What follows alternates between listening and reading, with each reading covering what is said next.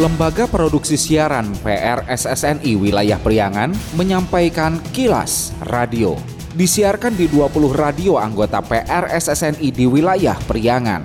Dan kilas radio edisi kali ini di antaranya mengenai dihantam gelombang laut, puluhan perahu rusak, nelayan Pamayang Sari Tasikmalaya minta perhatian serius Pemprov Jabar revitalisasi dermaga. Klaim pertama di Jabar, KPU Kota Banjar launching gerobak pemilu. Pendengar, inilah kilas radio selengkapnya. Kilas Radio. Kilas Radio. Kilas Radio. PR SSNI Jabar Wilayah Priangan.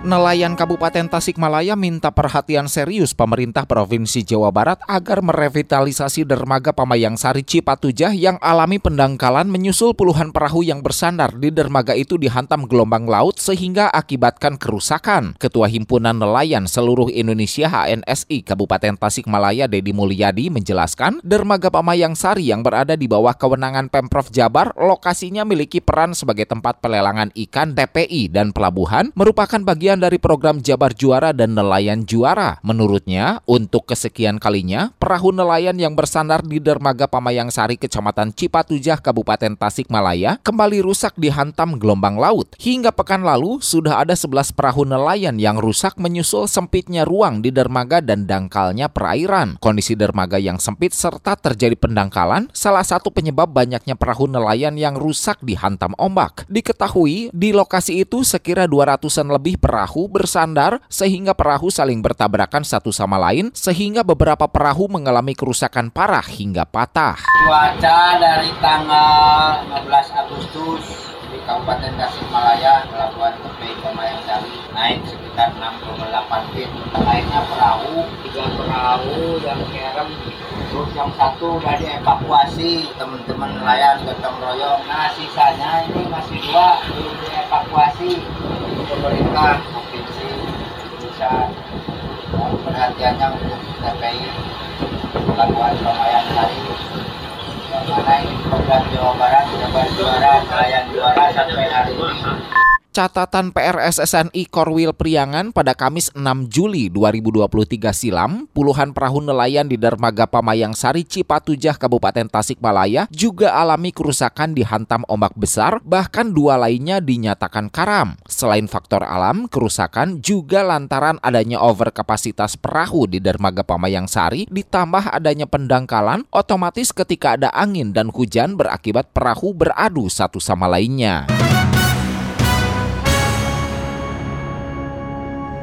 Sebanyak 11 kucing di lingkungan lembur situ Ciamis mati mendadak misterius selama sepekan lalu. Belasan kucing yang mati itu berada di penampungan milik Tony Ikhlas, aktivis peduli kucing liar warga Ciamis dan telah dikubur secara khusus. Tony mengisahkan sebelum mati, kucing miliknya mengalami gejala tidak mau makan lalu muntah dan diare parah. Selanjutnya, tak berapa lama kejang-kejang dan mati. Ia menduga kucing yang mati mendadak karena terserang virus sehingga penularannya cepat hingga menimbulkan kematian. Itu terbukti, kucing lain yang berada di perumahan lainnya banyak yang mengalami hal yang sama. Atas kejadian itu, Tony telah melaporkan kepada Dinas Peternakan dan Perikanan di Senakan Kabupaten Ciamis dan petugas telah memberikan vaksinasi, namun kucing peliharaannya tak bisa diselamatkan. Kepala Bidang Keswan Kesmafet di Senakan Ciamis Asri Kurnia di lokasi menjelaskan, atas fenomena itu pihaknya telah turun tangan ke lokasi dengan lakukan penyemprotan kandang hingga lingkungan menggunakan disinfektan. Ia menduga belasan kucing itu mati karena terserang virus atau kaliki virus, namun memang harusnya diuji laboratorium. Asri menyebut untuk penanganan di Senakan Ciamis memberikan obat, vaksin, dan isolasi kucing yang tertular mengingat penyebaran virus cukup cepat.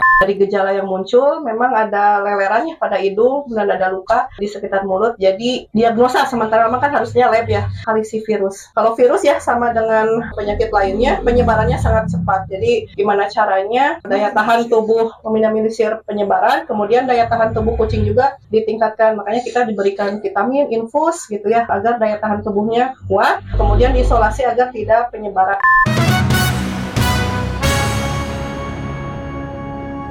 Info Pemilu. Info Pemilu.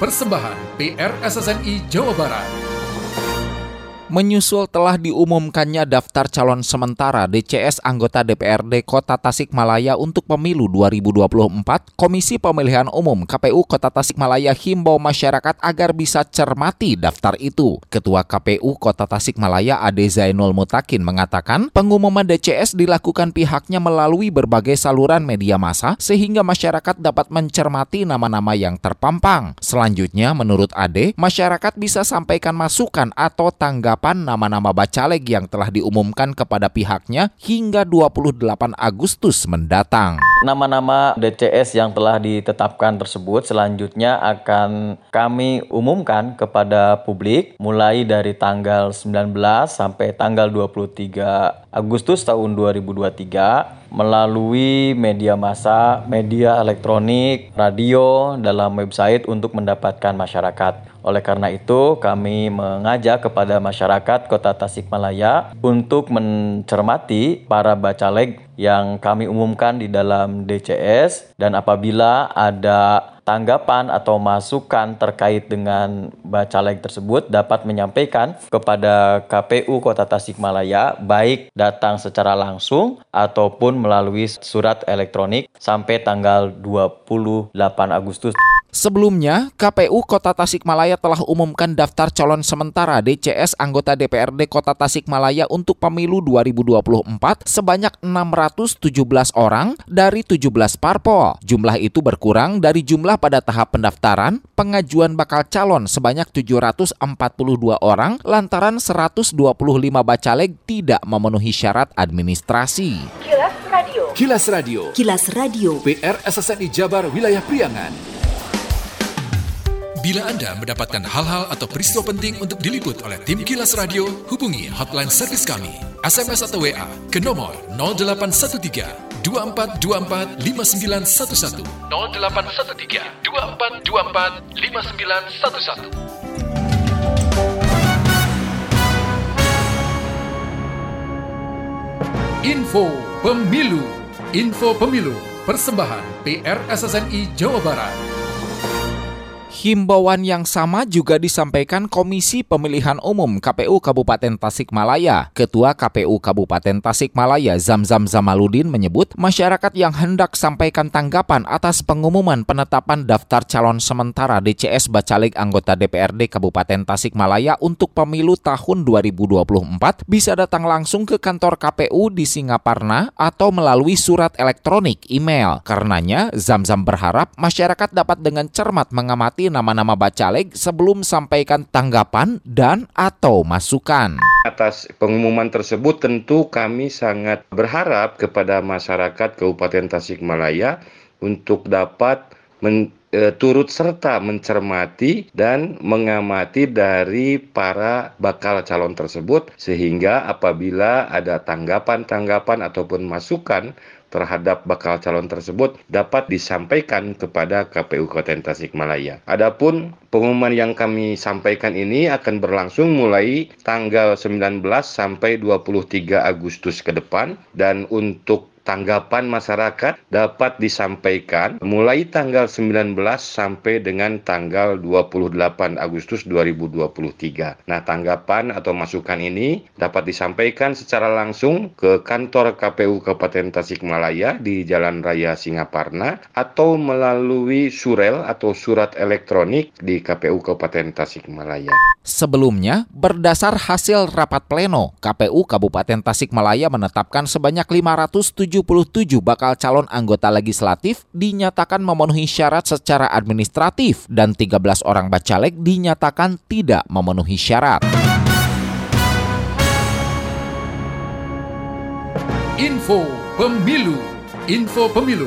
Persembahan PR SSNI Jawa Barat Bertepatan dengan momentum Hari Ulang Tahun RI ke-78, KPU Kota Banjar launching program sosialisasi pemilu bertajuk Gerobak Pemilu. Menurut Ketua KPU Kota Banjar, Dani Daniel Muklis, Gerobak Pemilu merupakan akronim dari Gerakan Sosialisasi Badan Ad Hoc pada Pemilihan Umum. Program itu digagas sebagai simbol kesadaran masing-masing badan ad hoc untuk turut serta secara langsung dalam mengamplifikasi informasi-informasi sekaligus isu-isu kepemiluan kepada masyarakat masyarakat. Daniel menyebut program gerobak pemilu adalah yang pertama ada di Jawa Barat di mana badan ad hoc bergerak secara terkonsolidasi dan masif melakukan sosialisasi kepemiluan di seluruh penjuru Kota Banjar. Satu program yang didesain sebagai apa proses pengabdian lah teman-teman ad hoc untuk dia mau mengamplifikasi informasi tentang kepemiluan dan ini sifatnya tugas mandiri juga non budgeter. Jadi kami mendorong ya teman-teman badan ad hoc baik PPK maupun PPS person by person dia untuk membuat kegiatan yang kolaboratif di forum-forum warga seperti di pengajian atau misalnya ada forum-forum warga eh, posyandu dan lain sebagainya. Jadi kami tekankan mereka untuk melakukan sosialisasi di forum-forum warga seperti itu. Dan insya Allah kita mengklaim ini program yang pertama di Jawa Barat. Eh, saya yakin tidak ada karena eh, kegiatan-kegiatan yang badan ad hoc yang terkonsolidasi maksudnya. Jadi kalau kegiatan badan ad hoc kan mungkin ada saja di beberapa daerah lain, tapi yang terkonsolidasi, diorganisir itu insya Allah kita mengklaim hanya di Kota Banjar.